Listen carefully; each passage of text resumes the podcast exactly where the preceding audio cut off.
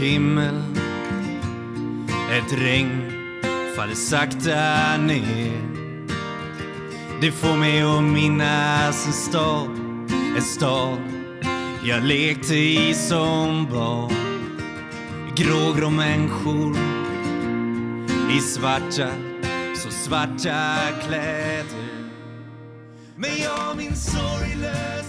Ja, hej och välkomna till Beroendepodden avsnitt 38. Mitt namn är Anneli. Välkommen till er som lyssnar för första gången och välkommen tillbaka till er andra. Um, Beroendepodden är en podcast om alla olika sorters beroende, missbruk, medberoende och psykisk ohälsa. Jag som driver podden lever själv som nykter alkoholist sedan snart nio år tillbaka. Alkohol är min huvuddrog. Uh, vill man höra mer om mig, vem jag är, Eh, min historia kan man lyssna på avsnitt ett. Där drar jag den korta och snygga versionen av mitt liv. Ehm, mm.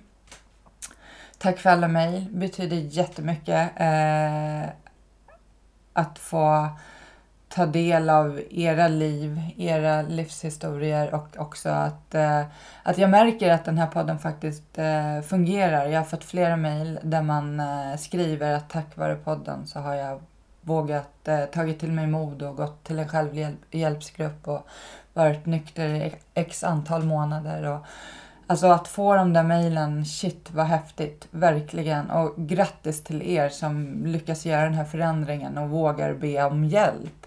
För det är ju verkligen så stort att våga be, be om hjälp, att förstå att man har ett problem och sen våga ta den hjälpen som finns. Och det finns massa hjälp, det hör ni ju i podden som sagt.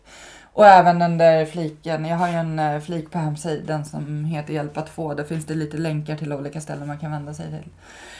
Um, och så vill jag tacka för allt stöd och support jag har fått. Jag, uh, det betyder jättemycket för mig för att jag ska fortsätta driva den här podden. Um, och i helgen så var jag med på TV4, uh, eh, Nyhetsmorgon. Uh, de kontaktade mig efter att ha hört podden och eh, frågade om jag ville vara med. Eh, mitt första svar i huvudet var nej, herregud, det vill jag inte. Sitta i TV och prata om beroende och medberoende, det är ju hur läskigt som helst. Eh, men eh, jag tänkte nej, men svarade ja. så ehm, det är ju ändå så här att någonstans så måste ju folk våga berätta eh, hur det faktiskt har sett ut för att andra också ska förstå att de inte är ensamma och eh, förstå att det faktiskt finns hjälp att få. Så i helgen så satt jag där i, eh, i söndags i eh, Nyhetsmorgon med fina Lisa som har varit med i podden tidigare och pratat om medberoende om sin uppväxt med en alkoholiserad far. Och ehm, ja, nej men det gick bra. Vi hann inte få så mycket sagt. Eh, tio minuter gick tydligen jättesnabbt, eller tydligen, det gick jättesnabbt. Eh, men eh, ja, så tack för allt stöd innan eh, mina kära vänner som vet hur nervös jag har varit och eh, för alla fina ord efter betyder jättemycket. Ehm, sen så vill jag säga att dagens gäst, Mattias, asgrym kille som har lång nykterhet. Avsnittet har jag spelat in för några veckor sedan försnacket spelar jag in nu och eh, det som har hänt sedan jag eh, intervjuade honom det är att han har fått ett till barn. Så jag vill bara säga jättegrattis till dig och din jättefina familj. Eh, det hände här i dagarna att, att den lilla kom. Jättegrattis! Och jättetack för att du ville vara med i podden. Ehm, ja, nej men eh, jo, Innan jag släpper in honom så vill jag självklart säga så här. Vill ni stötta podden, gå in på hemsidan, anmäl er till Flatenloppet som jag arrangerar den 16 september som är ett eh, stödprojekt till Beroendepodden för att jag ska kunna driva podden. Så, eh, gå in och anmäl er där, kom, gå, jogga eller spring eller om ni är intresserade av att bara vara funktionär. Eh, ni hittar loppet på flatanloppet.com eller på Beroendepoddens hemsida. Man kan också stötta genom att eh, ge en gåva. All info finns på hemsidan, så gå in och kolla. Eh, men ja, jag hoppas alla haft en superbra midsommar. Eh, ni som vaknar upp med ångest och tänker aldrig igen. Eh, nej, ta inte första glaset och eh, våga be om hjälp. Och ni andra som har varit nyktra ett tag, eh, fortsätt med det. Asgrymt. Och alla anhöriga, medberoende, alltså alla, kom ihåg, ni, ja, Jag är så glad att ni lyssnar och eh, verkligen, ni är bäst. Ta hand om er så släpper vi in dagens gäst.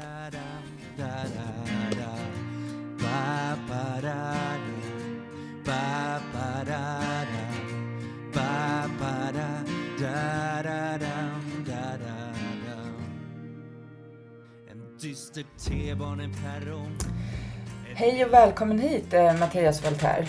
Tack. Hej. Eh, du lever som nykter alkoholist och narkoman sedan 11 år tillbaka. Ja, Ja, 18 juni 2006. ja. Det är helt galet lång tid Ja. för en alkoholist och narkoman. ja. Ja. Eh, jag är jätteglad att du är här, verkligen. Ja. Och jag, är, och jag och lyssnarna är nyfikna på vem du är. Vad har du för bakgrund? Vart kommer du ifrån? Ja. Mm. Ska jag sätta igång? Ja, Direkt? sätt igång. Ja. Jag är också glad för att vara här. Eh, Däremot är jag väldigt nervös. Och var flera gånger jag tänkte så här, nej men det här ska jag nog ställa in. Men, men ja, ja, jag heter Mattias Voltaire. Eh, blir 42 år. Eh, har eh, två barn, radhus, ett tredje på väg, gift. Eh, Svenssonliv. Eh, och så har det inte sett ut innan. Jag, eh, jag är uppvuxen i en eh, jättebra familj med mamma, pappa, två systrar i Bromma, villa, mm, Volvo, hund. Eh, ja, helt perfekt. Landställe i Värmland, stor släkt. Eller inte stor släkt, men en tajt släkt liksom. Eh, så att det såg väl jättebra ut. Men eh, och hade, ni frågat mig när jag var 10-12 år så hade det väl... Det var väl inget fel då. Jag kunde inte se något fel. Men jag var barn då. Idag vet jag att, att tittar jag tillbaka på min uppväxt så har jag alltid känt mig eh, utanför.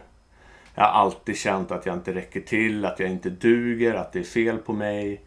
Eh, jag var dålig i skolan. Eh, och när jag fick ja, dåliga betyg eller sådär så kände jag mig ännu sämre hela tiden.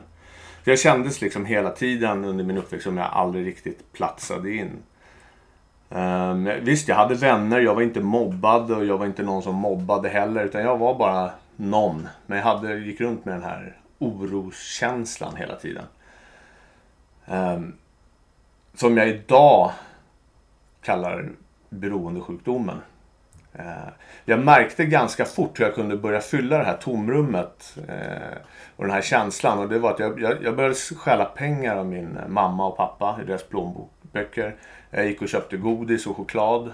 Jag kunde ta en hundring, som var mycket pengar då på den tiden, och köpa åtta Snickers. Och så ligga och bara trycka i mig på kvällen. Och när jag hade gjort det så kände jag efteråt så här, ah.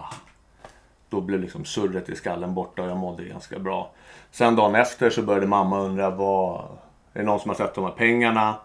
Jag skyllde på mina systrar. Jag till och med hjälpte mamma att leta efter pengarna hemma. Det, det var liksom galenskap redan där.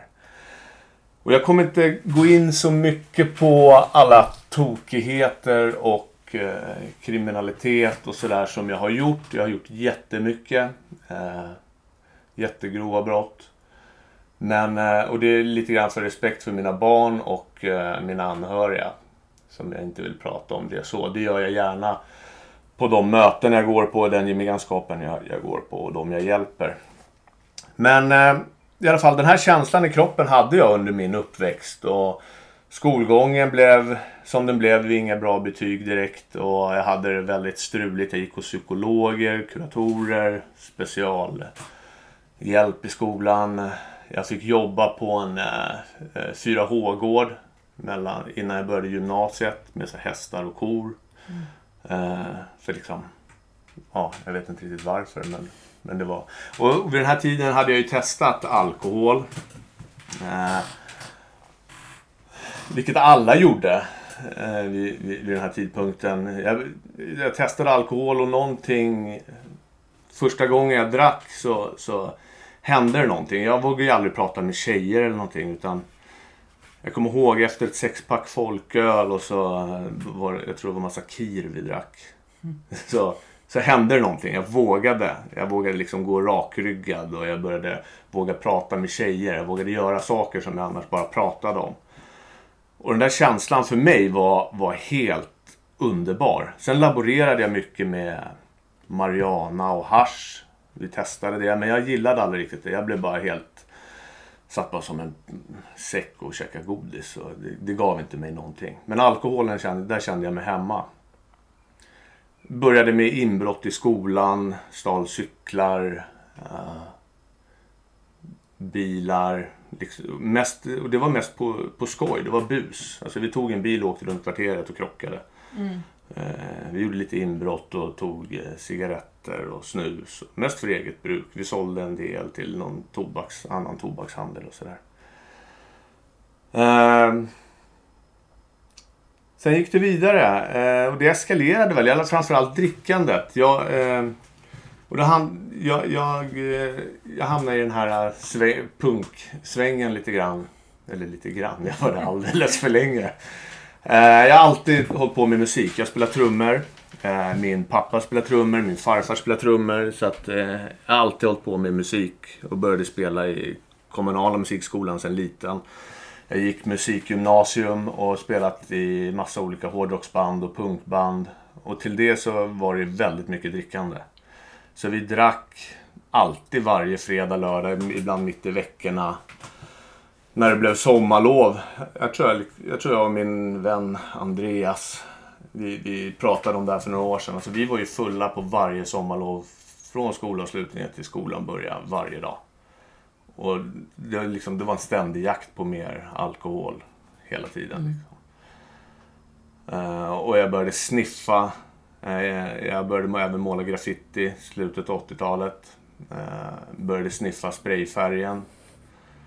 Um, och där har man lite, lite grann redan där hur kluven jag var. Så jag hängde med de här graffitimålarna eh, samtidigt som jag hängde med punkarna.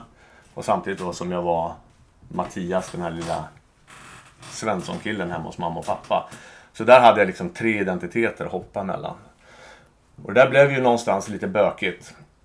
Eh, sen fortsatte det, ja, det blev liksom mer och mer kriminalitet och, och mer och mer bråk. Eh, han hade rätt mycket bråk som punkare. Sen så blev jag, som vi kallar det, Hötorgspunkare eller Nassepunkare. Gick med ett gäng som hette MKP.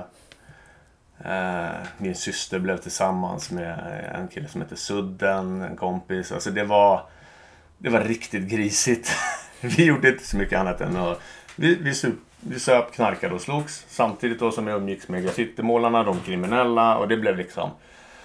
Jag hade fyra, fem olika roller jag spelade hela tiden. Eh, och det här blev kaos. Tills en dag, en vän... Eh, vi spelade fotboll. Jag, jag hängde med gäng nere i Grimsta. En, en kompis där eh, bjöd alla, eller han släppte ner en massa amfetamin i allas öl. Och någonting hände i mig. Jag, när, när jag fick i mig alkoholen första gången så, så kändes det helt underbart. När jag fick i mig amfetamin nu första gången, det var, det var nog helt obeskrivligt. Den känslan var liksom så extrem att jag kände, mig, jag kände mig hemma på alla plan. Jag hade inga problem. Jag mådde, jag aldrig mått så bra i hela mitt liv. Vi spelade fotboll ett helt dygn nere på Grimstängen och åkte ner till Kananbadet och så, såg solen gå upp. Och liksom, jag, jag var så här, this is it. Det här vill jag aldrig sluta med. Och, och från den dagen då blev inte alkohol lika intressant längre utan amfetamin blev, ja, det, det centrerade mitt liv. Det var, det var det jag ville ha. Och jag blev, jag vet inte om jag blev, jag, fullblodsnarkoman där och då. Men sen den dagen var det aldrig roligt att gå ut om jag inte hade amfetamin. Så att eh, om jag gick ut på krogen så var jag tvungen att ha det, annars var det inget roligt. Och jag började använda på helgerna. Och han min vän då som sålde amfetamin, han eh, började senare sälja kokain. Eh, och jag var såhär, nej det vill jag inte ha. Men så till slut tog jag det och eh, jag fick en ny upplevelse. Det var, det var ännu bättre än amfetaminet för mig. Och där var jag nog riktigt fast. Fast jag kunde inte se det själv. För mig var det fortfarande ett, ett helgknarkande, eller jag festade.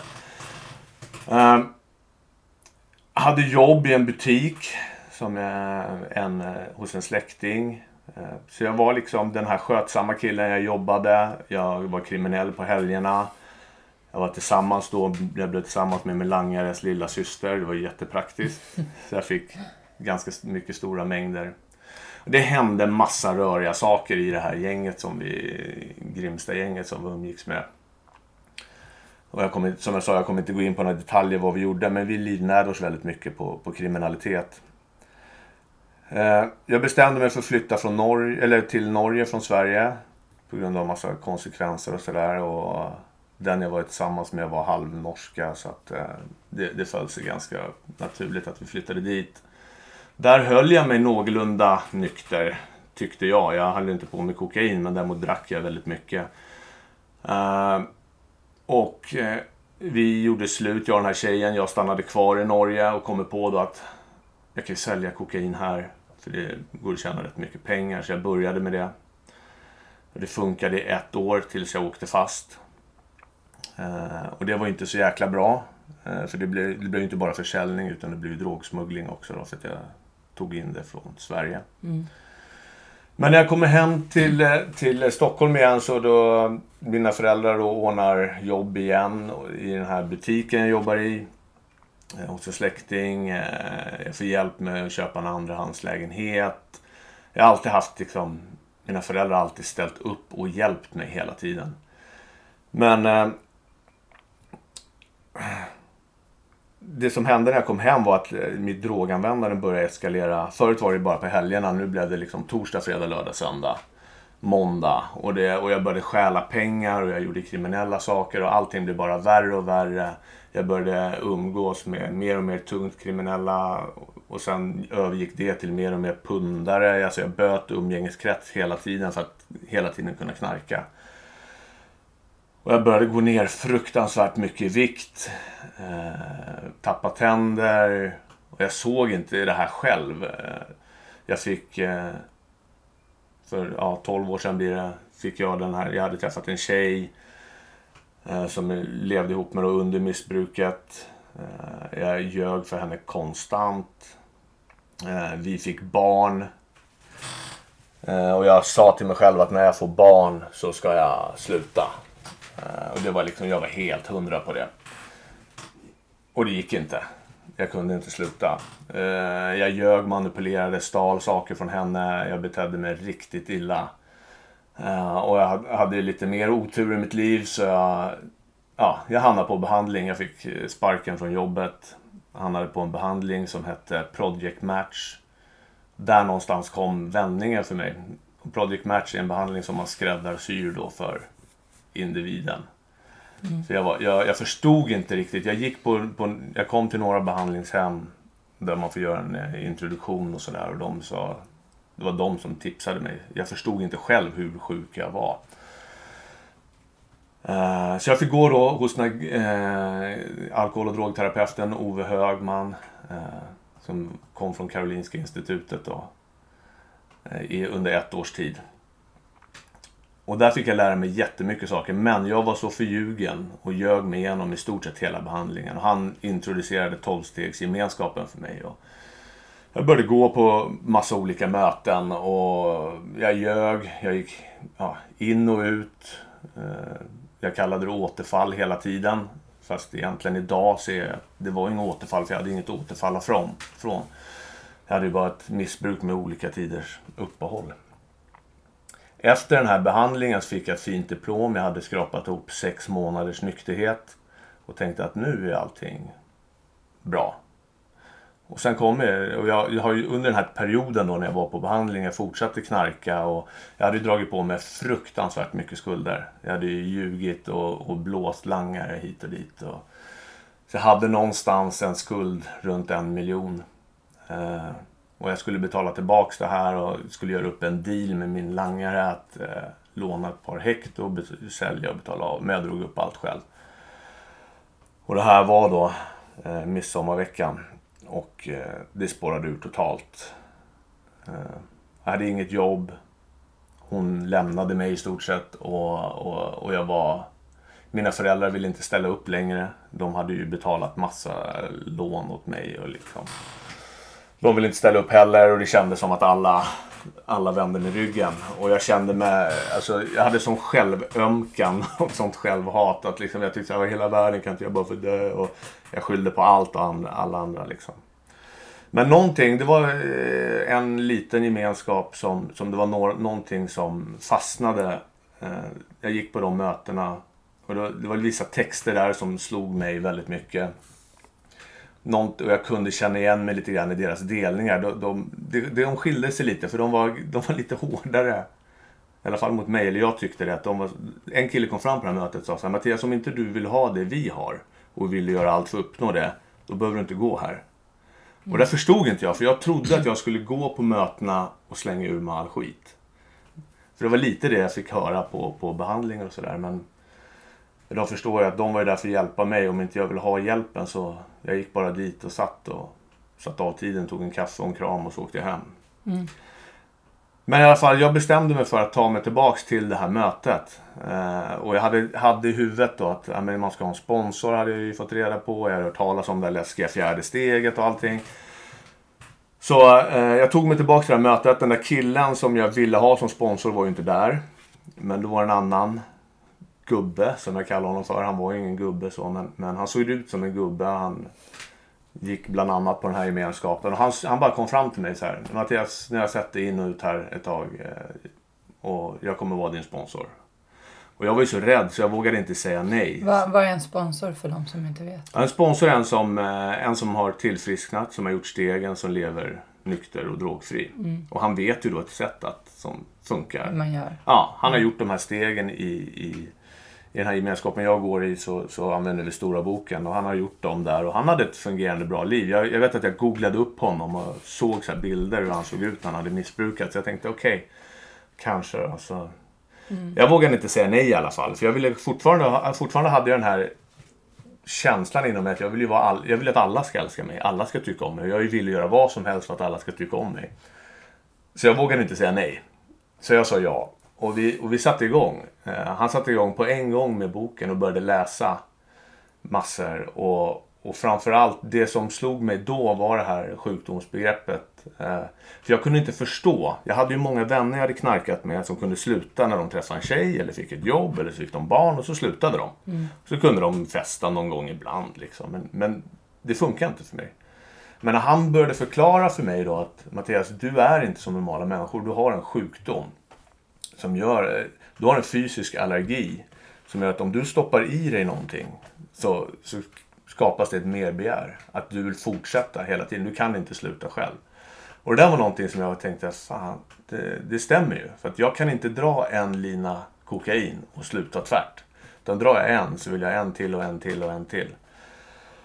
Eh, och så sa han, det spelar ingen roll hur mycket konsekvenser du får. Om du blir utslängd, fängelse, häkten, allting. Får barn, blir av med barnen. Du kommer kliva på i alla fall. Och allt det där hade jag ju liksom bevis på. Att händer det här, då ska jag sluta. Händer, kommer det här ske så ska jag sluta. Och jag kunde inte det. Och sen så pratade vi om den här, en, en sak som kallas för mental besatthet. Och det är så här, efter jag har knarkat så mår jag oftast fruktansvärt dåligt. Och jag ligger och gråter och lovar allt och alla att jag aldrig mer ska knarka. Men sen efter någon dag så är den där tanken borta. Och, och så börjar jag tänka så här, nej men det var inte så farligt. Eller ja, okej, okay, men jag lärde mig, nu ska jag inte göra om det här. Sen helt plötsligt, började, det, för mig var det så här, det kunde komma en buss, en SL-buss, som luktar diesel. Och för mig påminner det om kokain. Mm. Då sker det något onormalt med mig. Jag, jag blir, först blir jag bajsnödig. Så något, kroppsligt håller på att ske. Liksom. Och det sker inte hos normala människor. Och sen när den här tanken kommer då att ja, men jag måste ha mer. Då gör jag vad som helst för att åka och skaffa det. Jag kan vara på väg hem till mina föräldrar på en söndagsmiddag eller på väg till en fest. Men kommer den där tanken då slår den ut allt logiskt tänkande och jag vänder och jag åker ut till Jordbro och skaffar mer. Och det är något som inte händer normala människor heller fick jag reda på. Och, och det här hjälpte mig väldigt mycket för att det här, det här nu kunde jag ju se att okej, okay, det är det här som skiljer mig liksom, från de normala människor. En normal människa också Sen har jag alltså jag brukar säga att jag är även lite psykiskt sjuk. För att en normal människa kan ju gå till läkaren och få en diagnos att, att, att du är allergisk mot jordnötter och då låter de ju bli jordnötter. Mm. De tar inte en halv eller ja, men jag ska prova sen utan de, de struntar i det där. Men så är det ju inte med den här sjukdomen utan jag, jag har ju mitt stora ego att slåss mot. Och det är ju så enormt som tror att jag tror att jag ska fixa det här själv. Och det slår ut. Jag brukar säga att jag har som en djävul på ena sidan och en ängel på andra sidan. Och när jag är insjuknad, om jag är påtänd eller inte, men, men när jag inte har den här lösningen, då är den här djävulen mycket större. Så han brottar ner min ängel jämt och vinner jämt. Men han var ganska, vi, han tog mellanstegen ganska snabbt, eller väldigt snabbt. Och han sa att det, det vi kom ganska snabbt fram till ett kapitel i boken att det finns en lösning också på det här problemet. Vi satt och pratade ganska mycket om, om, om själva droganvändandet, att jag använder det på ett onormalt sätt.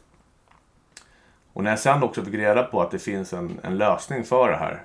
Och det, det är att ta mig igenom de här stegen så fort som möjligt. För att han sa det också att väntar vi med det här eller om det står en vecka eller någonting sånt där i boken. Och så väntar vi för länge så är risken att, att, att mitt ego byggs upp igen och jag tänker att jag tar inte det här programmet på allvar. Jag börjar slappa lite med, med vissa delar av det här programmet.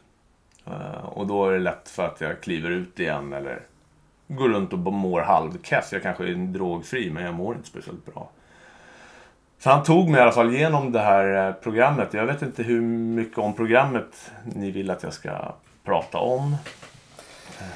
Ja, nej men du får gärna berätta. Ja, Ja. ja.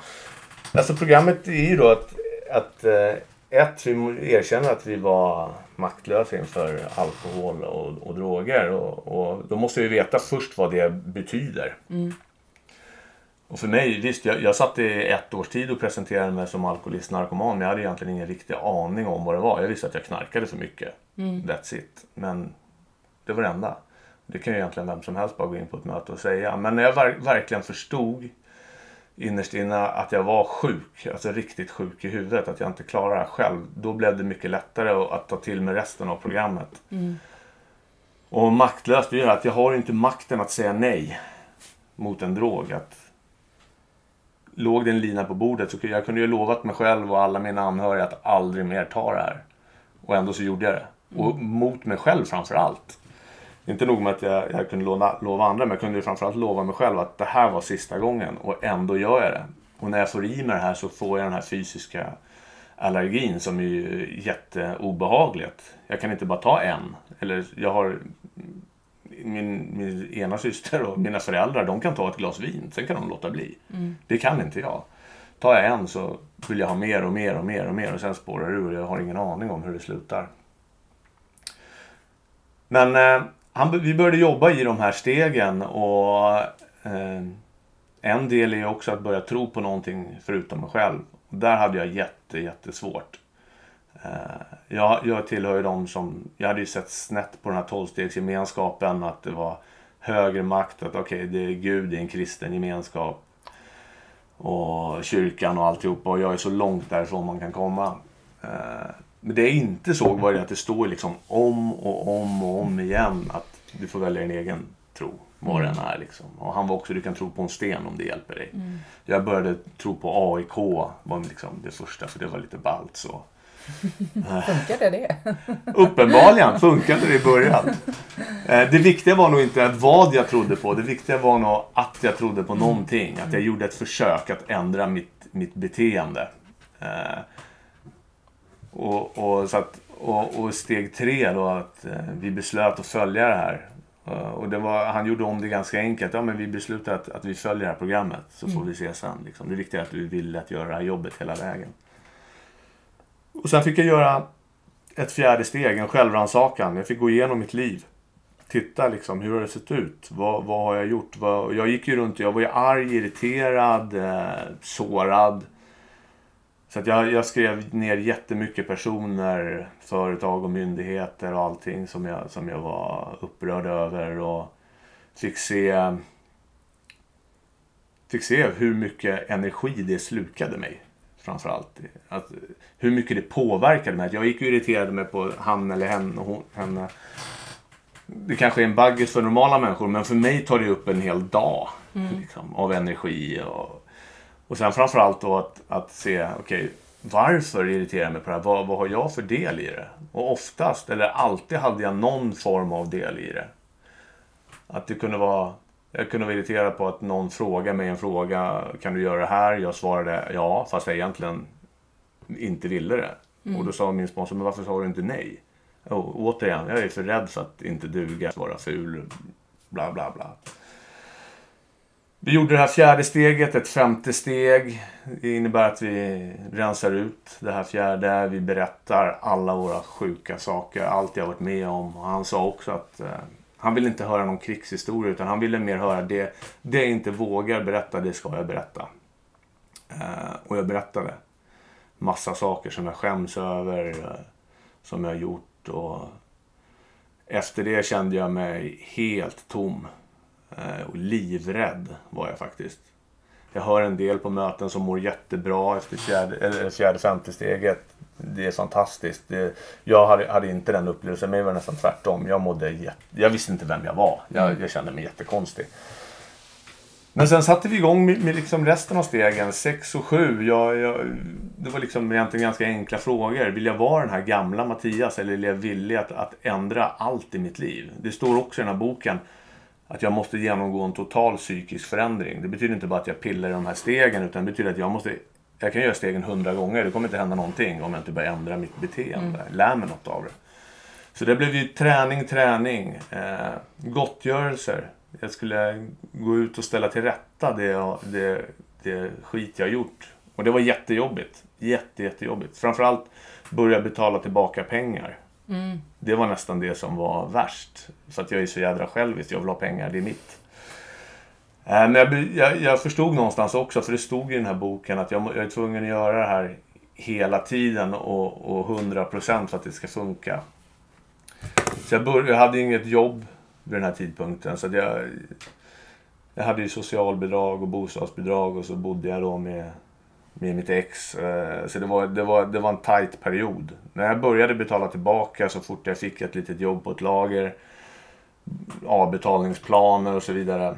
Jag levde på existensminimum de första åren in i, in i programmet. Eh, och det var jobbigt. Det var en lång, som det står i boken också, en lång återuppbyggnadsperiod. Så det tar, det tar tid, just den ekonomiska. Eh. Men jag försökte städa undan allting eh, och, och göra rätt för mig. Jag började också även följa med ut eh, och föreläsa. Följa med några som hade lite längre tid än vad jag hade. Och vid den här tidpunkten blev det, hade jag ganska, det var en ganska jobbig period för att jag hade fortfarande stora skulder till mina langare. Eh, som kom och skulle kräva in stora summor pengar.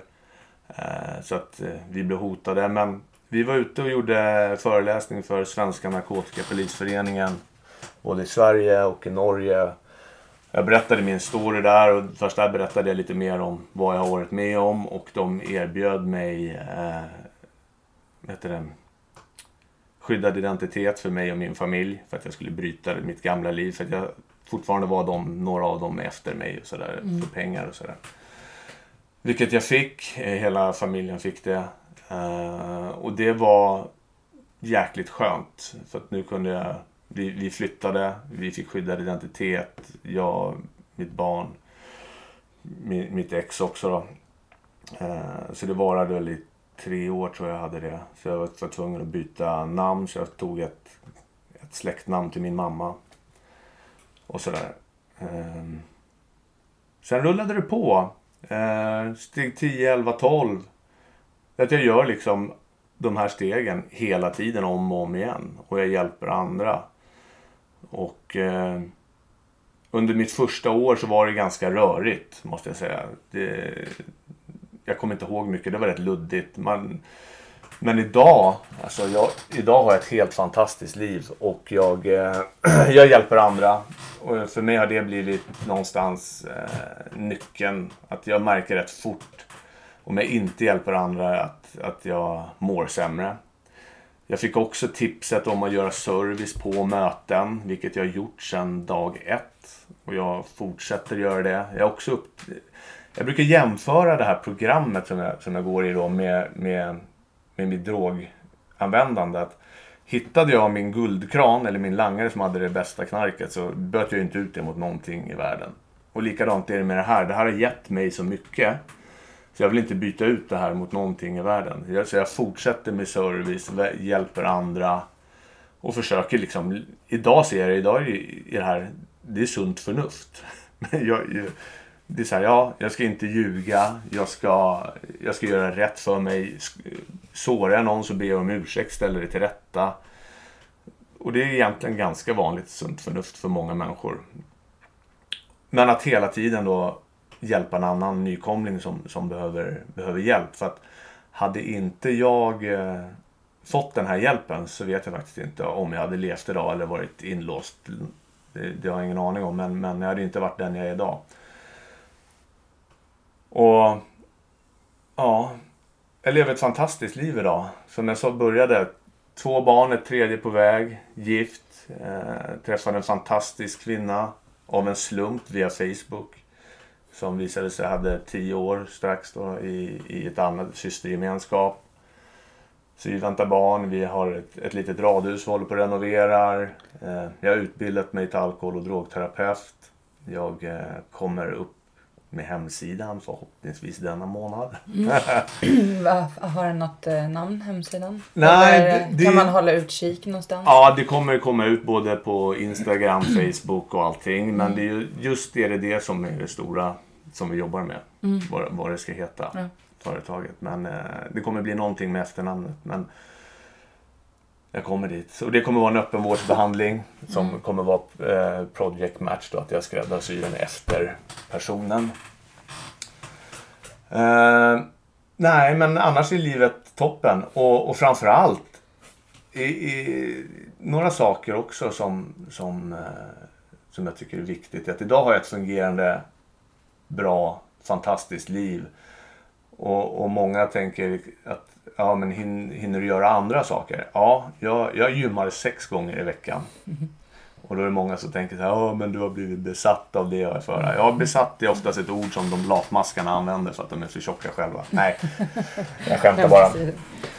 Men, men, eh, men du, eh, du, du ska väl tävla lite? Kanske? Ja, jag ska tävla. Jag, jag sprang runt och harvade på gymmet. Eh, så här, för jag tänkte i början då var det liksom, då var det programmet 110 procent. Eller det är det fortfarande. Mm. Det, det, är viktigt för mig att säga att, att liksom mitt program, gemenskapen, kommer alltid först. Mm. Men det betyder också det betyder inte att jag behöver gå på möten alltså 24 timmar om mm. dygnet. Och, och, för jag har också ett ansvar idag som pappa, som anställd, som en man. Alltså jag, jag har en familj att ta hand om och jag har mig själv att ta hand om. Mm. Men det, det, är att jag sätter gemenskapen först. Mm. Uh, och det är att har jag då bokat in, för mig, för mig idag så funkar det perfekt med två möten i veckan, några sponsorer. Så det har jag alltid bokat. Mm. De ruckar jag inte på. Men min övriga tid, mm. jag kan ju inte säga till min arbetsgivare så här, nej, jag, jag, måste, jag måste gå på möten eh, fyra möten om dagen så jag kan inte ta den här anställningen. Mm. Det, det, funkar ju inte. Så att, eh, och, och, göra så. Jag tror inte någon arbetsgivare skulle gå med på det. Men, men däremot så har jag ju oerhört mycket annan tid. Mm. Men, och det är så länge jag sätter programmet först. Jag har däremot provat att göra tvärtom. Att dra ner på mina möten och programmet för att göra mina fritidsintressen. Och då blir inte jag någon trevlig pappa. Mm. Då, blir jag, då står jag där med mobiltelefonen och jag, jag är där som pappa men jag är inte närvarande. Mm. Och jag mår inte bra. Och, men så länge jag gör programmet först så kan jag göra kan, allt. Kan du gå in i andra grejer då? Ja, liksom? absolut. Som... Absolut. Och det, det, det, hände för några år sedan, för fem år sedan ungefär. Jag tittade på några som hade lång tid. Han går på möten var tredje månad. Så, ja, men det kan jag också göra. Han mm. vägleder ingen. Ja, men det, jag behöver inte heller vägleda någon. Jag har väglett så många. Så jag började sakta men säkert göra stegen baklänges. Mm. Och glömde bort mina kvälls och morgonrutiner och gick runt och var lite irriterad. Och då började jag gå in i olika besattheter. Mm. Det kunde vara shopping, det kunde vara alltså mat. Eh, inte spel har jag inte haft, men, men framförallt shopping, mat, eh, flörta med andra. Jag började, ja, alla möjliga, och jag började framförallt må fruktansvärt dåligt. Mm. Och, eh, och det visade sig, jag kommer ihåg så klart, jag, jag stod med min dotter och gungade henne Eh, och hon helt plötsligt, pappa varför är inte du här? Mm. Ja. Och jag bara och hajade till. Och, liksom- och det gjorde så ont. För jag var ju där. Men jag stod ju bara och höll på med min telefon. Och hon hade ju pratat med mig i en halvtimme. Och jag hade inte hört. Jag var helt avstängd. Och någonstans där då, då, eh, då ringde jag upp min sponsor då, och, och sagt att vi, det här och det här har hänt och jag mår inte riktigt bra. Vi behöver titta på lite bitar och sådär. Och sen den dagen har jag försöker alltid att sätta programmet först då. Och sen kan jag göra en massa saker. Och träning. Jag började träna för några år sedan, eller fem år sedan. Och det hände inte så mycket. Jag, jag är ju inte 25 längre. Så, och jag tänkte så här, jaha, jag springer och harvar på gymmet. Det händer inte speciellt mycket. Vad ska jag göra? Så träffar jag då min, min nuvarande fru då, som är PT och har en ganska stor umgängeskrets med träningsmänniskor. Så jag började träna lite med dem. Och de sa så här, nej men Sätt ett mål liksom. Att, eh, ja, vad då för mål? Liksom, jag har inget viktmål. Jag vill bara ha en, en snygg kropp. det var mitt mål. Då sa man, men skaffa en, en coach och gå med i ett team och, och sätt en, en, eh, säg att du vill tävla, liksom, att du vill vara i tävlingsform. Så jag gjorde det. Vad är det för tävling? Eh, Mäns fysik heter, Mm. heter den grenen. då. Så det, det är inte bodybuilding eller så, utan man är mycket, mycket mindre. Mm. Eh, så jag, jag skaffade en coach. Eh, gick med i det här teamet och eh, satte ett mål att, att jag vill börja tävla. Och eh, det är jättekul. Och det är jättetufft och det är jättesvårt. Mycket värre än vad jag trodde.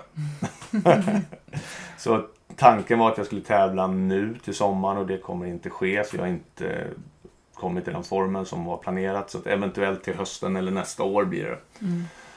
Eh, men det, det är en väldigt, väldigt stor del av mitt liv idag i, i min träning. Mm. Eh, och för mig har det blivit någonstans min frizon, min meditation. Jag går på mina möten och jag gör det jag ska och där kan jag liksom jag slänger i ett par hörlurar och där är jag mig själv och så bränner jag ur kroppen och så kommer jag hem och är en fungerande pappa. Och mina barn eh, håller också på med idrotter. Det är ishockey och dans. Så det, det är verkligen ett späckat schema. Mm. Men jag tror att det är superviktigt att, eh, att också ha en hobby, en aktivitet och gärna något fysiskt. Mm. Liksom, det mår ju vi människor bra av. Liksom. Ja. Jag håller ju också upp mycket på, men jag kör ju löpning och Mm. sådär. Men eh, jättetack för, eh, för din eh, story, live Mm. story och ditt, eh, och vi pratar väldigt mycket om tolvstegsprogrammet och det Mm. är, är ett program som, alltså egentligen behöver man inte ens vara alkoholist eller narkoman. Det är ett program Mm. som alla människor borde Ja, gå igenom för att det gör en till en bättre människa. Ja. Eh, liksom. Och nu har du förklarat lite kort men eh, jag tänker att de som lyssnar som inte vet vad det är kan ju definitivt eh, gå in och läsa mer om. Mm. Och jag vet att vissa kyrkor fa- faktiskt eh, har det som eh, livsstilsprogram och Mm. så här för, för folk som bara vill må bättre. Mm. Alltså så. Ehm, och man eh, lär känna sig själv Mm. mycket bättre. Och, absolut. Just det här att hjälpa andra människor. Och jag har ju också eh, lång nykterhet och jag, jag har ju blivit nykter Mm. drogfri tack vare tolvstegsprogram. Det är ju min liksom, medicin mot, mot min sjukdom. Och, eh, eh, Jag tänker på just det här att om man inte sätter sin nykterhet först och gör det Mm. man ska så är det ju lätt att man insjuknar och det betyder ju inte att man kliver ut och börjar dricka. Nej, Men vi kan ju insjukna på Ja. andra sätt. Absolut. och just det här du säger om den här frånvarande pappan. Mm. Och jag... Den, den är ju jobbig. Jag känner Mm. igen det liksom. För Mm. att när jag mår dåligt då blir jag en frånvarande mamma. Jag finns där i fysisk form. Mm. Men jag är frånvarande känslo, alltså liksom tankemässigt och Mm. sådär. Alltså det, mm, det gör så tydligt eh, just också hur den här sjukdomen fungerar. Liksom. Att, Mm. eh, tar du första glaset eller första linan så Mm. vet man ju inte vart det slutar. Nej. Om det är ett dygn senare, en, vecka senare, ett år senare. Mm. Jag kommer ihåg en period jag hade haft två vita veckor, på, eller två veckor på vita knogar. Mm. Och sen tog jag ett glas. Mm. Och det, det där glaset, Mm. sen, ja. Mm. Det- ja, jag, hade- jag hade sex månader innan jag då, som jag, jag sa då på möten att det var ett återfall. Men, men jag brukar säga att ett återfall slutar med att jag plockar upp Mm. drogen. Eh, men jag hade sex månader då eh, innan den här midsommarveckan. Och då tänkte jag så här, nej men jag ska bara ha lite grann. Och det spårade fullständigt ur. Mm. Jag hade ingen kontroll överhuvudtaget. Och det läskiga med den här sjukdomen är ju också att en normal person kan ju, kan ju knarka eller dricka och göra massa tokiga saker men oftast då så har de varit med om de här konsekvenserna så tänker de, nej men det här var, det var inte värt det. Mm. Nu har jag eldat ner huset eller jag har kört rattfull eller det ena och det andra och så lägger de av med det där. Mm. Men det där skyddet, det, det har inte sådana som vi. Eller i alla fall inte jag. Utan efter två dagar är det där bortglömt. Och jag förtränger det någonstans. Och, och så är jag på det igen. Mm. Så det är, ju ren vansinne. Det är, ju självmord. Mm. Så att... eh, Mm. Ja, och man ser ju folk som faktiskt har varit nyktra, eh, drogfria i många år som faktiskt kliver ut igen. Och det är ju lite så att den här sjukdomen vill ju inte att vi ska vara nyktra och drogfria och må bra. Liksom. Så eh, vi blir vi för knepiga så. Mm. Och det är där, därför också jag brukar poängtera det här. Sätta, sätta programmet först eller det viktigaste först. För att eh, som du sa, det kanske inte, kanske inte, jag kanske inte kliver ut på en gång. Men det är väldigt enkelt för mig att skapa ett korsberoende till exempel. Mm. Eh, och det, det gjorde jag med träningen för några år sedan också. Att, att jag drog ner på mötena. Jag tänkte att jag kan gå på möte sen. Och så började jag träna, träna. Och istället för att köra ett pass om dagen så körde jag tre pass om dagen. Mm. Och blev ju helt eh, ja, besatt av det. Mm. Och, så att, eh, och det kan gälla andra saker också. Så att, eh, det gäller att, ja, idag har jag hittat en fungerande balans som funkar för mig. Och jag, jag tror väl att eh, man får testa sig fram i programmet och lyssna på de som har gått före, vad de har gjort. Mm. Och det var väldigt, väldigt mycket möten och service till en början för mig. Eh, och sen hittade jag någonstans den här balansen som funkar Mm. för mig och mitt familjeliv och, och mina, mitt jobb och sådär. Så, mm.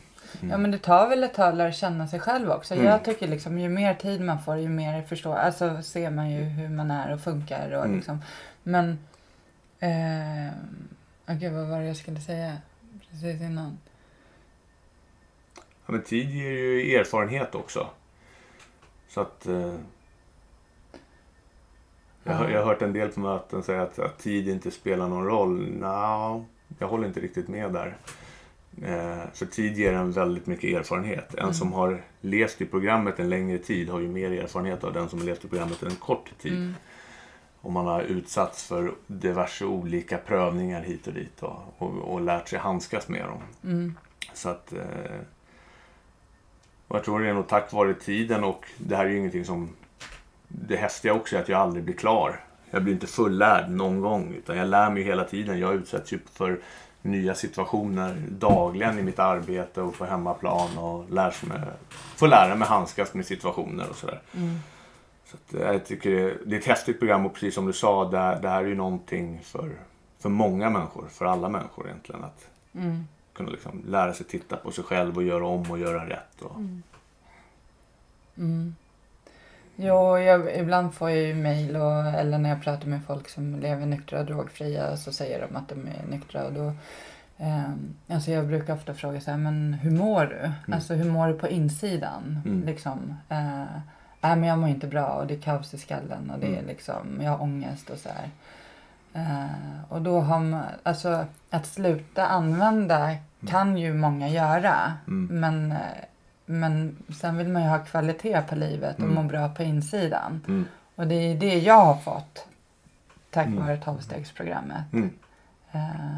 Nej, det märker man ju framförallt när man är ute på mycket anstalter och, och fängelser så här att där är de ju drogfria många utav dem. mm, Men de mår ju inte bra. nej. Och de har ju, vad är det, 88 procent har då diagnosen ADHD. Mm, Eh, Fast alla har missbrukarbakgrund. mm, Och Det är ju lite, det är klart, skulle man plocka bara bort drogen och låsa in mig så skulle jag nog få alla diagnoser som finns. mm, Eh, För att, ja, man blir ju psykiskt sjuk. mm, mm, när man inte har någon Mm. lösning på det. Mm. Ja. Nej men alltså jättetack för att du kom och är det något du skulle vilja säga till eh, lyssnarna innan vi avslutar? Ja, alltså om det är någon som eh, känner igen sig eller vill eh, prata mer så har ju, Anneli har ju mina kontaktuppgifter Mm. och sådär så att eh, jag finns här för de som vill ha hjälp. Så det är bara att höra av sig. Mm. Och det går. Det Det går. Eh, jag kommer visa ett foto på, till Anneli sen hur jag såg ut när jag kom in. Eh, för jag, jag var väldigt nere. Jag var väldigt långt ner på botten. Mm. Och det går. Det Mm. lovar jag. Ja, jag har sett en del foton. Ja. Och jag garvar lite här under medan du berättar din eh, live story lite kort. För jag har ju också hängt i den där punksvängen och vi har ju hängt i den samtidigt. Fast Ja. jag har liksom inte vetat vem du är förrän jag såg en bild. Jag bara, Ja. men shit det där är ju... Ja. ja, nej men vi ska inte... Vi skulle kunna babbla på hur mycket som helst. Men som sagt, eh, ni som lyssnar. Ja men gud, ja, nu visar du en bild här och det är inte samma människor som sitter framför mig här. Det är två olika människor. Men ni som lyssnar och som sagt eh, våga be om hjälp. Dra iväg ett mejl till mig så eh, connectar jag. Så Mm. att, eh, ja. Det finns hjälp och det går att tillfriskna och det går att må bra. Ja, Ja, så tack. tack själv. Mörk himmel ett regn faller sakta ner. Det får mig att minnas en stad En stad jag lekte i som barn. Grågrå människor i svarta, så svarta kläder. Men jag min sorglösa dag Ett vackert minne som alltid finns kvar. Stockholms gator och torg Ett liv så långt ifrån sorg ba, ba, da, da. Ba, ba, da, da. Ba, ba, da, da, da, da, da, da, da. Ba, ba, da, da. Ba, ba, da, da. Ba, ba, da, da, da, da, dyster T-baneperrong typ Ett liv inrutat i betong.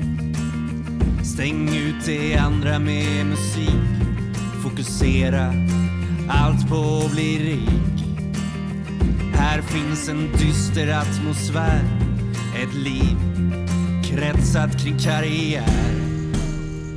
Men jag min sorglösa dag Ett vackert minne som alltid finns kvar Stockholms gator och torg Ett liv så långt ifrån sorg ba, ba, da, da.